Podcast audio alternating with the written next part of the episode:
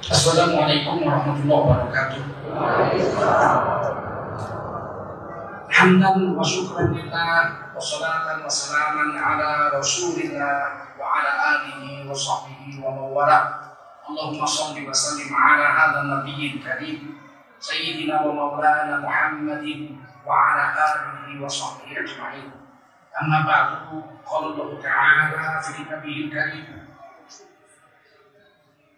أعوذ بالله من الشيطان الرجيم. بسم الله الرحمن الرحيم. ولنبلونكم بشيء من الخوف والجوع ونقص من الأموال والأنفس والثمرات. وبشر الصابرين. وبشر الصابرين الذين إذا أصابتهم مصيبة قالوا قالوا إنا لله وإنا إليه راجعون.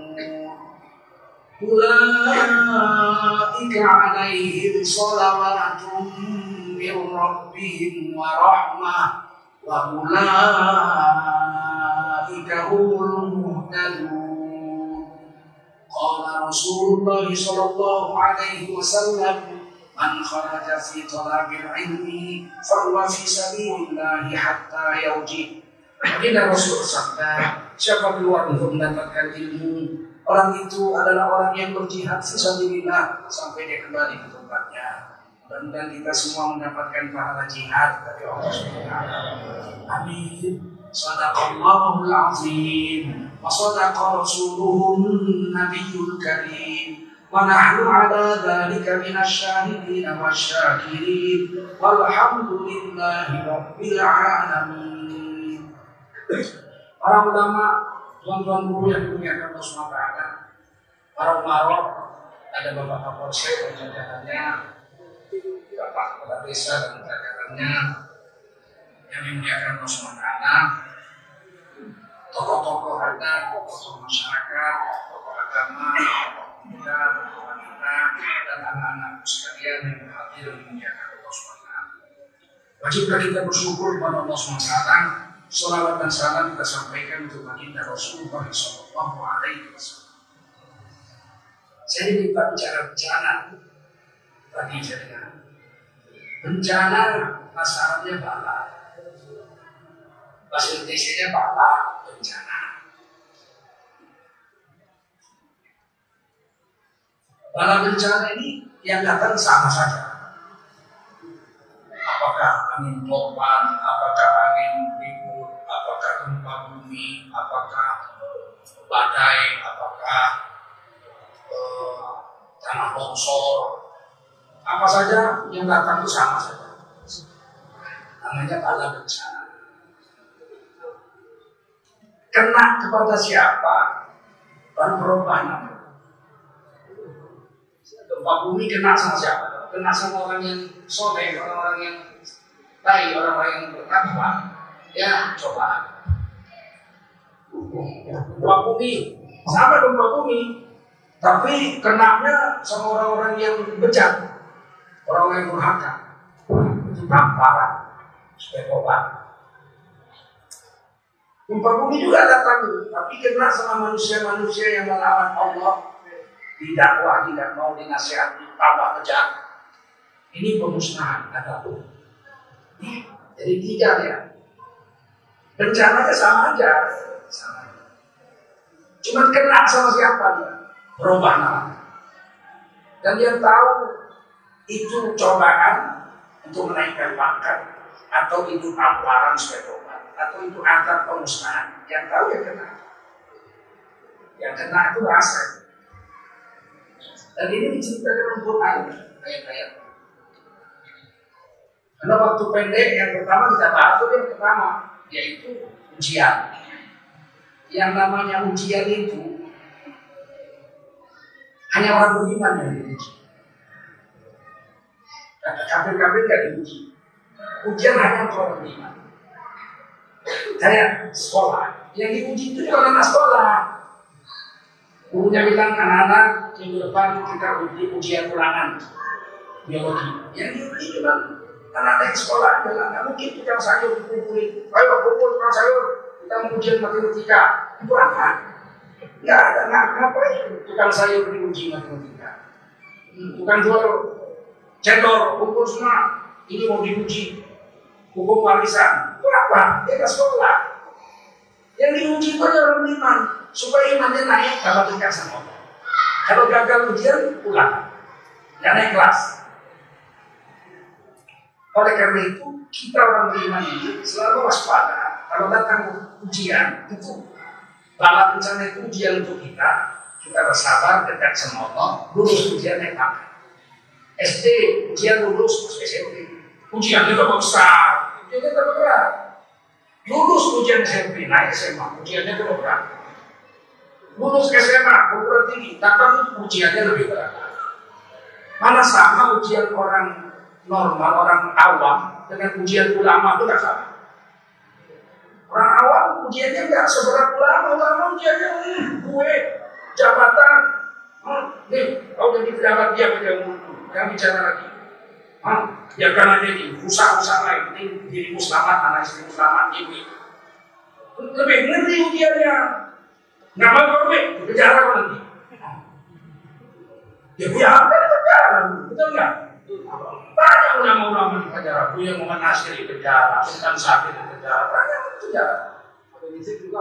Nah, Habib Rizik sekarang. Soalnya kerumunan begitu, kerumunan. Kalau soal yang bunuh orang, kan, ini oke aja lah. Kalau kan cuma hukum perdata, didenda lah, udah selesai. Kalau kita hukum pidana, kerumunan. Apalagi Indonesia tidak melakukan karantina. Kita kan cuma PSBB. PSBB. Pembatasan aja. Dilanggar, ya 50 juta bayar selesai. Bisa dipenjara harusnya tapi ya nanti kita tunggu. Udah dilaporkan polisi ketika saat tidak saya memulangkannya ke polisi berarti P19 belum tembus P21. Itu ditahan. Kalau penjara bagi ulama itu ujian menaikkan pangkat. Imam Hambali, murid Imam Syafi'i, di penjara.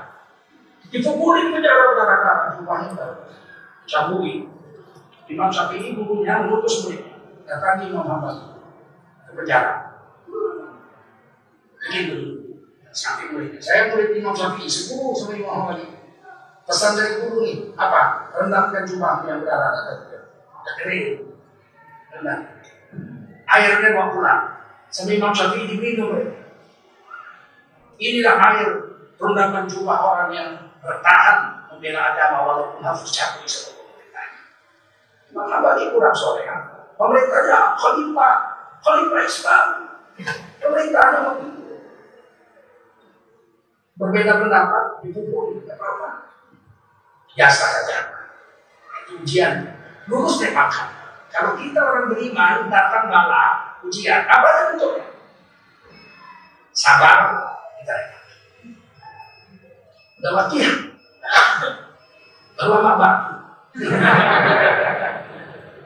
kita rangkul diri saya. Jangan pulang.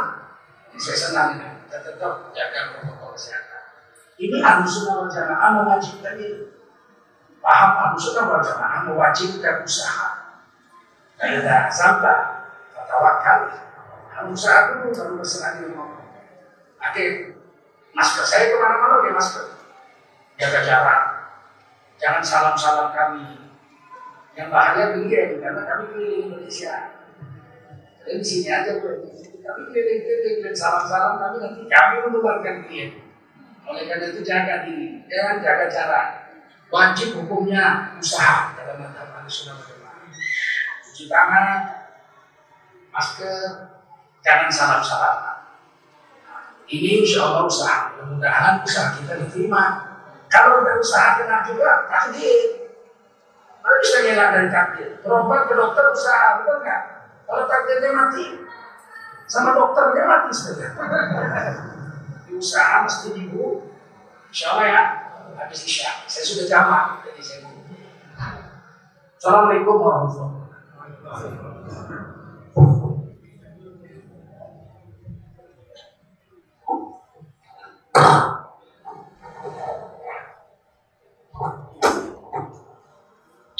Assalamualaikum warahmatullahi wabarakatuh. Alhamdulillah wassalatu wassalamu ala Rasulillah wa ala alihi wa sahbihi wa mawala. Kita lanjutkan ayat tadi yang pertama soal Baqarah. Ujian untuk orang-orang beriman. Apa saja yang diuji, tidak apa saja orang beriman diuji. Allah berfirman, Bismillahirrahmanirrahim. Wa lanabluwannakum bisyai'in minal khawf. Dan pasti kami Allah akan menguji kamu akan membala kamu dengan pasti. Dua kali pastinya itu. Allah mengatakan pastinya itu dua kali. Lanya itu harus taukid pasti. Ennya pasti. Jadi wala pasti lanya. Nabluwannya pasti. Cuma kalau diterjemahkan itu jelek ya Sebetulnya artinya begitu dan pasti kami Allah akan menguji kamu dengan bala bencana dengan pasti. Dua kali pasti. Dalam bencananya apa? Isyai'in minal khawf.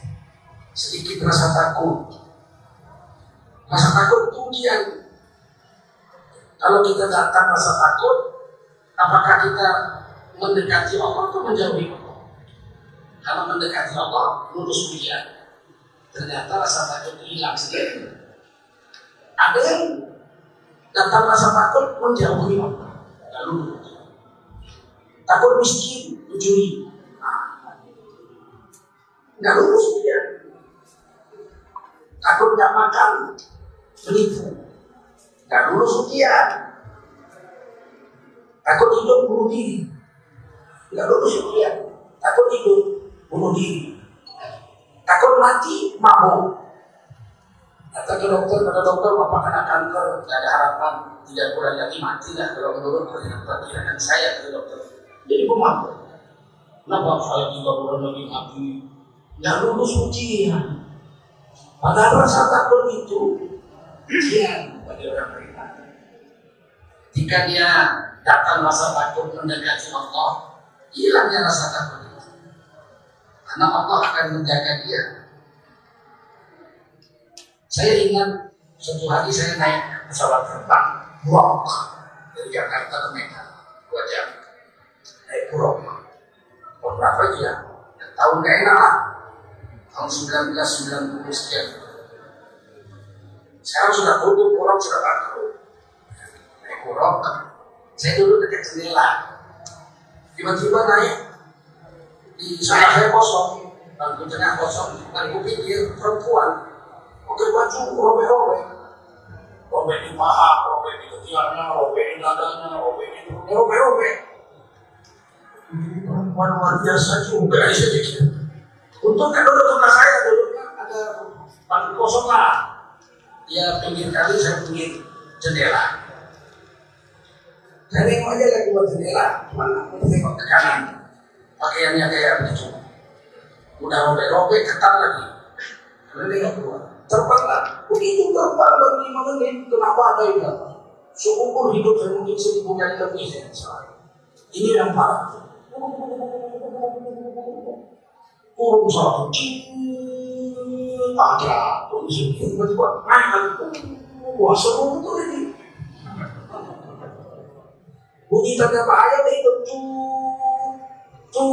itu kan karena udah lari dari jalur terbang bisa tabrakan di atas jalurnya di sini dia terbang kembali di sini dia bisa tabrakan. Dia udah pakai kulit. Apa itu aja ini perempuan di, di tengah-tengah itu ditaruh di atas atas kanannya. Di bangku tengah.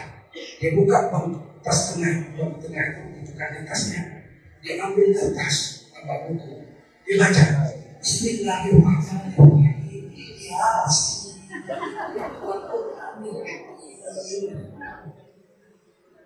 saya ya Allah Ini wanita ketakutan dia dekat semua. Walaupun begitu, ternyata dia orang Islam, orang beriman. Berarti adalah durhaka yang bajunya ajak kali. Robek sana robek situ, tapi ternyata dalam ketakutannya dia baca Yasin. Memang parah betul itu. Akhirnya apa? Sampai di Medan, sudah tampak gereja kolonial nah, dan tentara. Tiba-tiba ini hujan deras. Tiba-tiba naik lagi. Naik lagi. Mendarat di Pekanbaru. Mendarat di Pekanbaru. Istirahat dua jam Pekanbaru. Menunggu mana yang datang. Dan terang. Saya ajak sembahyang. Ayo kita kita ini bapak mari kita sholat dulu. Kita sholat dulu. Kita jamaah sholat. Keluarga-keluarga saja. Nggak ada berdiri saya sendiri. Ini satu pesawat. Takut baca yasin. Ini dan waktu sholat tak sholat. Sholat tak. Kira-kira dua jam naik lagi pesawat. Berangkat. Baru lima menit. Kumpul, lagi. Waduh, ada mencekam betul. Sekali saya tengok keluar, terkejut. Ada orang pakai sorban jubah di sebelah saya. Mereka mau Ternyata bayangan saya sendiri.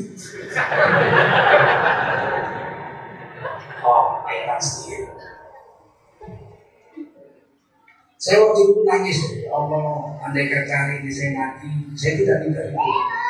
Tidak mintakan jagomu, Kalau hari ini saya mati dan kamu terbang, mati apa-apa. Asal satu dia saya minta, matikan saya dalam keadaan baik. Bukan dalam keadaan jahat. Matikan saya dalam keadaan baik. Berserati kepada takdir. Itu aja saya doa. Tadi sampai dia umur, tadi tak selamat.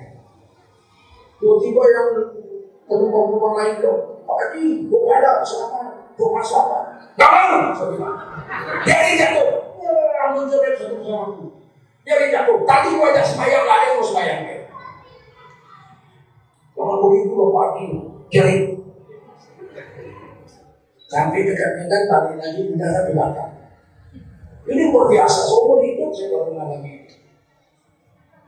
Darah di Batam dua jam dari Bogor itu sampai tiga jam. Akhirnya berangkat pesawat sampai Medan itu jam enam sore.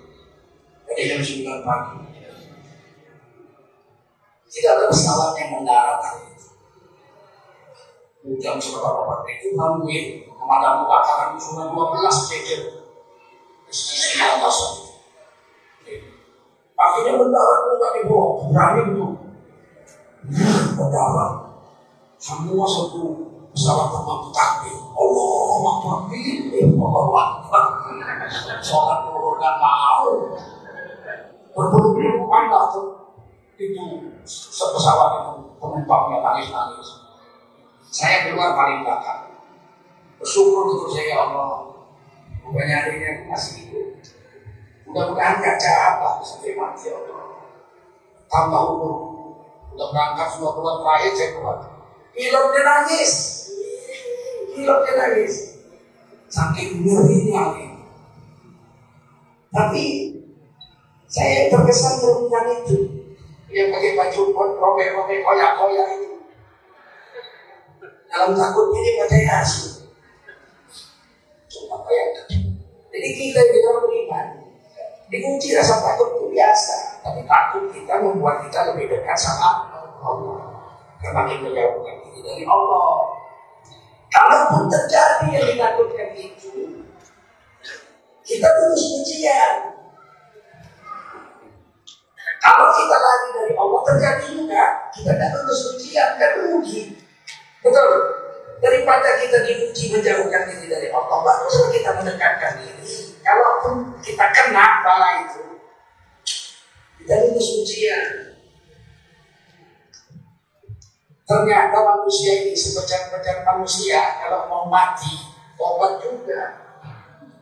Satu pesawat terbang ateis, pilotnya dua orang dengan pilotnya ateis, nggak percaya Tuhan. Tiba-tiba kena apa awan tebal.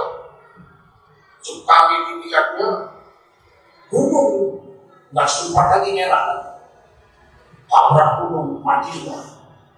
Tak apa kota hitam diperiksa. Apa yang ucapan terakhir dari film dan film? Oh my God! Nggak percaya Tuhan, tapi mau mati sebagai juga oh Tuhan. Ya. Mau apa kita kalau ada ketakutan? Kembali sama Allah. Apa pun yang kita buat, kita kembali sama Allah. Nggak ada tempat lain. Ngapain lari dari Allah? Fir'aun ketika hidup ngaku Tuhan, ngaku dirinya Tuhan. Allah Rabbukum Allah adalah Tuhan yang mati. Siapa yang tidak menyembah dia, dibunuhnya. Nabi Musa dan Nabi Israel menyembah Allah. 600 ribu sampai 700 ribu orang menurut tafsir Nurul Mansur Imam Suyuti. Banyak sudah begitu 700 ribu. Itu dibunuh yang mau dibunuh dan jauh-jauh. Jika cerita sampai pinggir laut, dipukul ke laut, pecah 12 jalan. Kemudian mereka nyebrang. Fir'aun sampai depan. Dulu pemimpin di depan Pak. Dulu pemimpin di depan. Fir'aun itu tinggi besar Pak. Gagah main tombak, gak main panah, gak main pedang, gak main kuda. Dia kudanya keretanya, kereta kudanya untuk dia sendiri, berdiri dia. Jadi dia naik kuda ada keretanya. Ih, memang jagoan dia. Kalau enggak, enggak dia dianggap raja, enggak dianggap Tuhan. Berani. Nabi Musa takut sama Fir'aun. Idham ila Fir'aun innahu tahu Kata di Fir'aun kelewatan batas ke Fir'aun kata Allah sama Nabi Musa Ngaku Tuhan Kata ini mudah-mudahan dikasih peringatan dia tobat Atau takut kepada Allah Nabi Musa bilang ini akhaf Sesungguhnya aku takut Nabi Musa takut sama Fir'aun Tapi karena tugas dakwah kalau takut Nabi Musa datang juga tidak juga Ketika singkat cerita Fir'aun tenggelam di laut merah dengan pasukannya nyawa susah leher. Fir'aun tobat juga. Tobat ya. Hatta ida adrokahul orok. Ketika Fir'aun sampai di tahun merah tenggelam hampir mati nyawa sudah sampai leher. Kola berkata Fir'aun. Apa kata Fir'aun? Kola aman. Sesungguhnya aku telah beriman. Beriman Fir'aun. أنه لا إله إلا الذي آمنت به بنو إسرائيل Kata Fir'aun sesungguhnya aku telah beriman Sesungguhnya tiada Tuhan kecuali sembahannya orang Bani Israel dan sembahannya Nabi Musa dan Harun Bukan aku Tuhan, Tuhan itu Allah, Tuhan yang Bani Israel Wa ana minal muslimin Dan aku adalah salah satu dari orang-orang yang Islam yang menyerah diri dengan Allah. Tobat Fir'aun.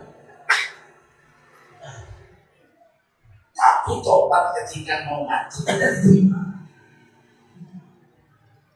Diterima. Rasulullah inna Allah yaqbalu taubat al-abdi ma lam yumarrin. Nyawa apa tobat seorang hamba diterima sebesar apa pun kebejatannya, kejahatannya pasti diterima untuk tobat seorang hamba sampai ketika nyawanya sudah di sini sakaratul maut. Nah, kalau itu tobat kan. Fir'aun dari sini nyawa udah belum baru tobat kan. Oh, nah, Kita orang beriman bukan orang kafir kita. Fir'aun berucap la ilaha illallah amanat bihi bani Israel wa ana minal muslimin tapi sudah sakaratul maut terima. Kenapa? Karena orang yang sakaratul maut dia sudah lihat tempat yang akan dia datangi. Mau masuk surga atau masuk neraka jahanam sudah nampak.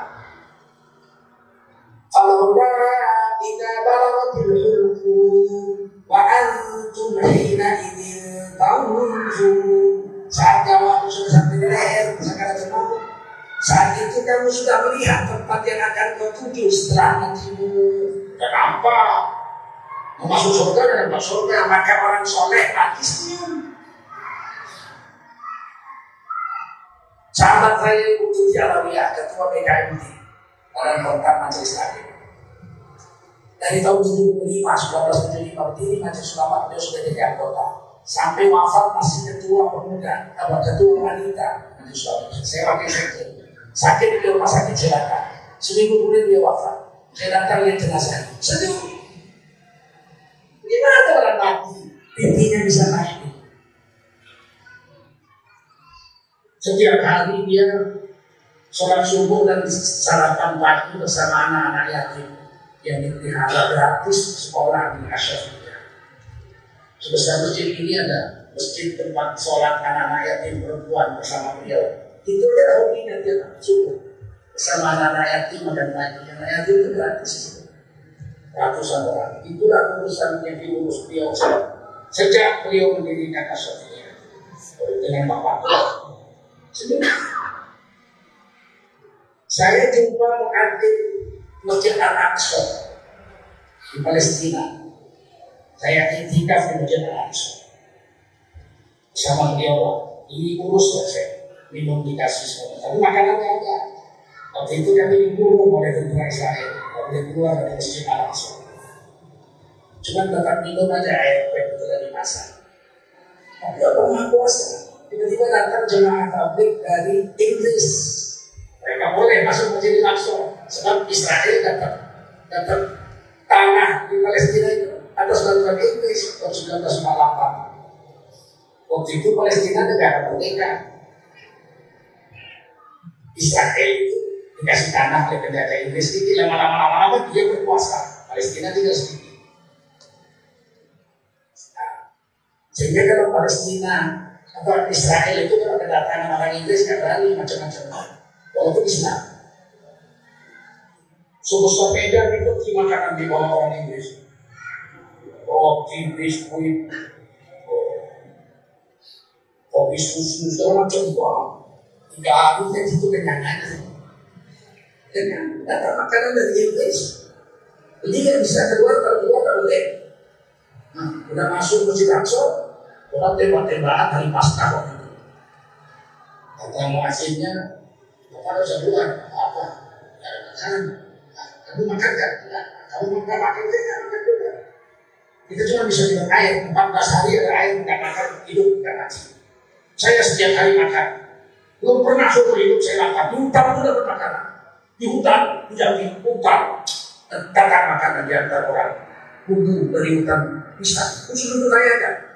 Penumpang bos yang lain gak dikasih saya sendiri dikasih Saya bilang saya nggak kenal apa. Betul, satu kopi sebesar ini datang makanan dari Inggris. Apa yang terjadi?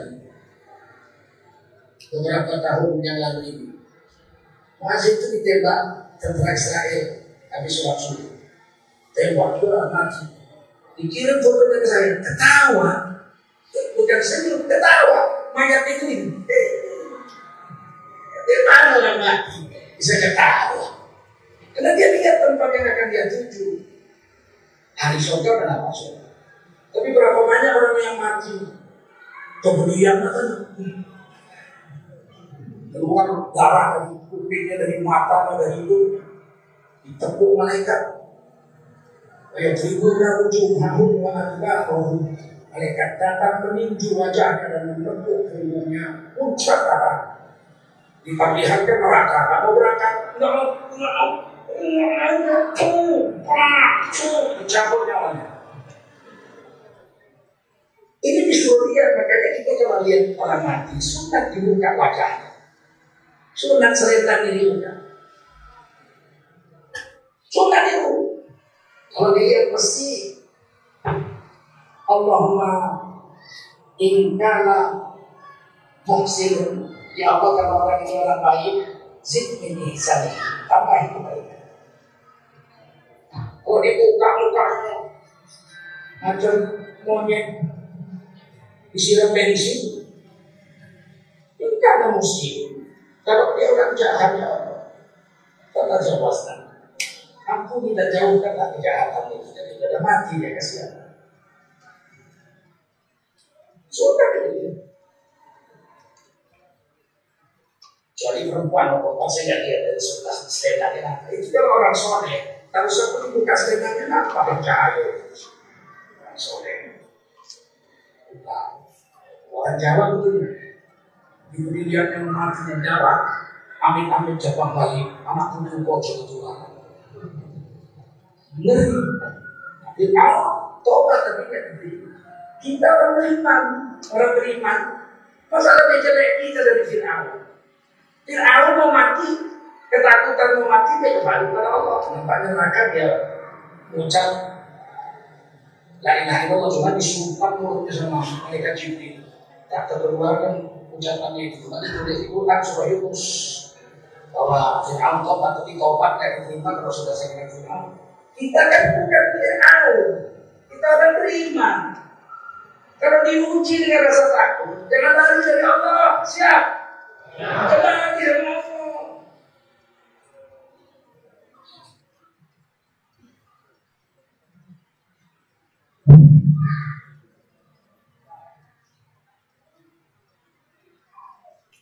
Allah. Anaksim minal amwal. Kadang-kadang Kekurangan harta. Ujiannya kekurangan harta. Ini Kita pernah mengalami krisis moneter tahun 1998 Krismon. Orang yang tertumpul kena krismon itu orang Jawa. Sangat terpukul Mau makan susah Sampai terjadi penjarahan-penjarahan bicara mau dirampok baru Cina dia kita nggak pernah kalah Sumatera malah justru Sumatera Kalimantan ketika krisis moneter tahun 98 kita kaya. Bayangkan di Bangka merica itu lada biasanya sekilo tiga ribu. Terjadi krisis 98 lada itu harganya delapan puluh tiga ribu. Naiknya berapa ratus ribu dari tiga ribu jadi delapan puluh tiga ribu saya atau murid saya dari Medan pulang ke Bangka minta modal sama saya.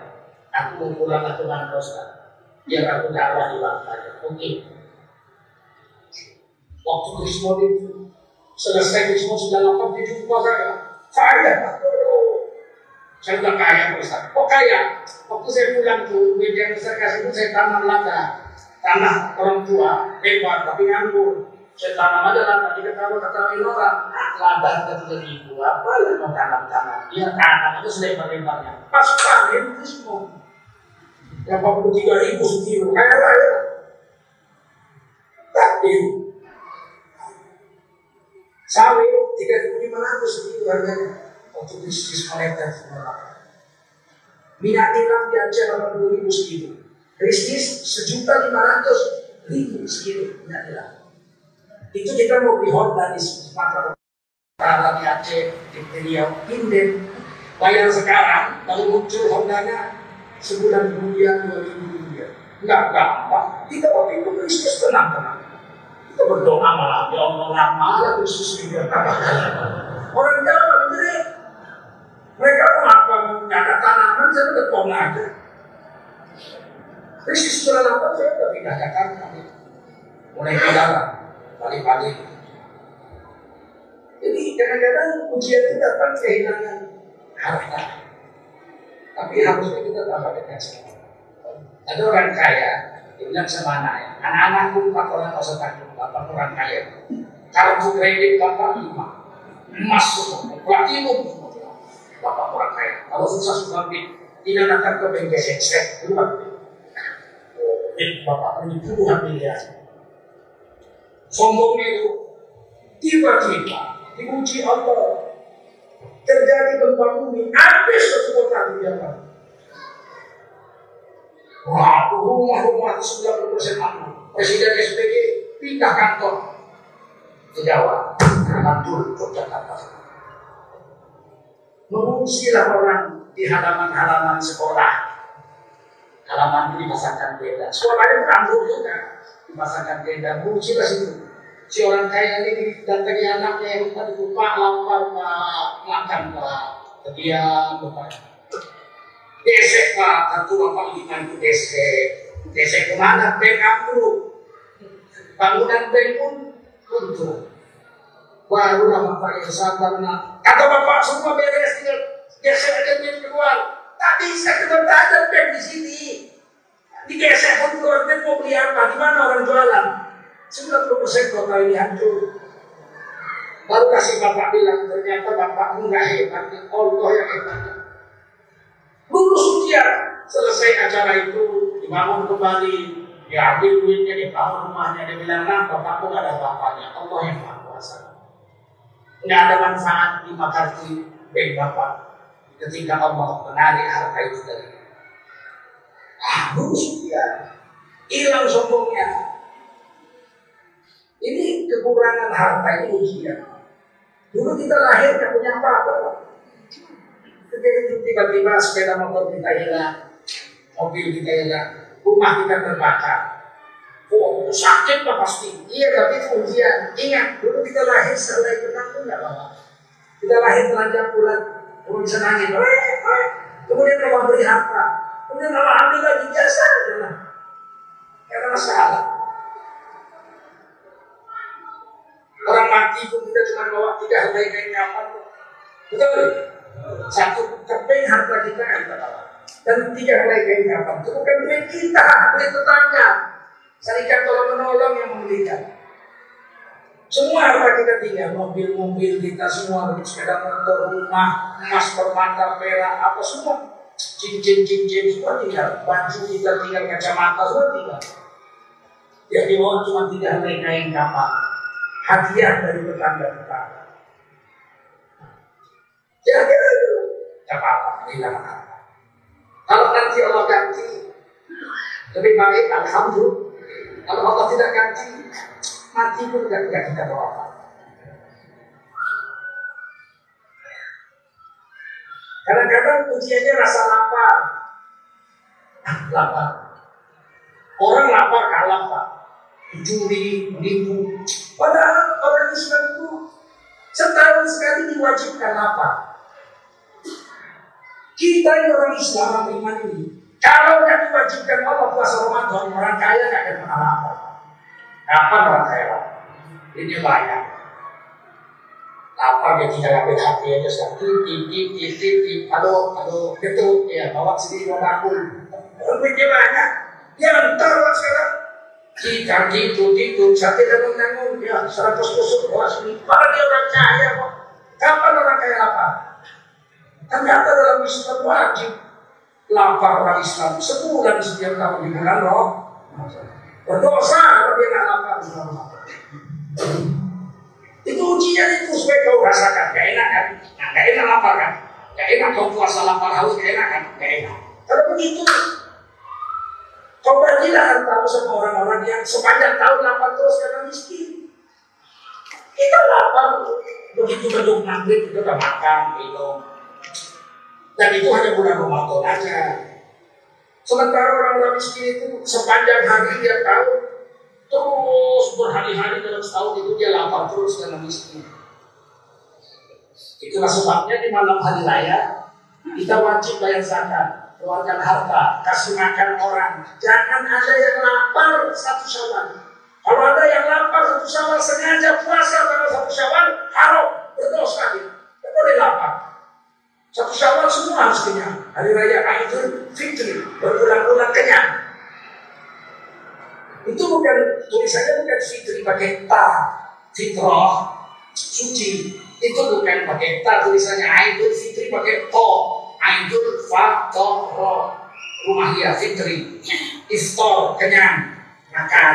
Hari raya makan itu. Sunnah Mau sembahyang hari raya Idul Fitri makan dulu. Baru pergi sholat Idul Fitri. Kecuali Idul Adha kembali. Sunnah tidak makan Nanti pulang Idul Adha Makan kambing yang kita potong itu Korban kita sunnah kita makan Jadi kalau Idul Adha kita lapar Waktu sholat Idul Fitri waktu sholat itu kita Lapar ujian biasa. يا الله يا بصير يا سميع يا عليم يا حي يا قيوم برحمتك استغيث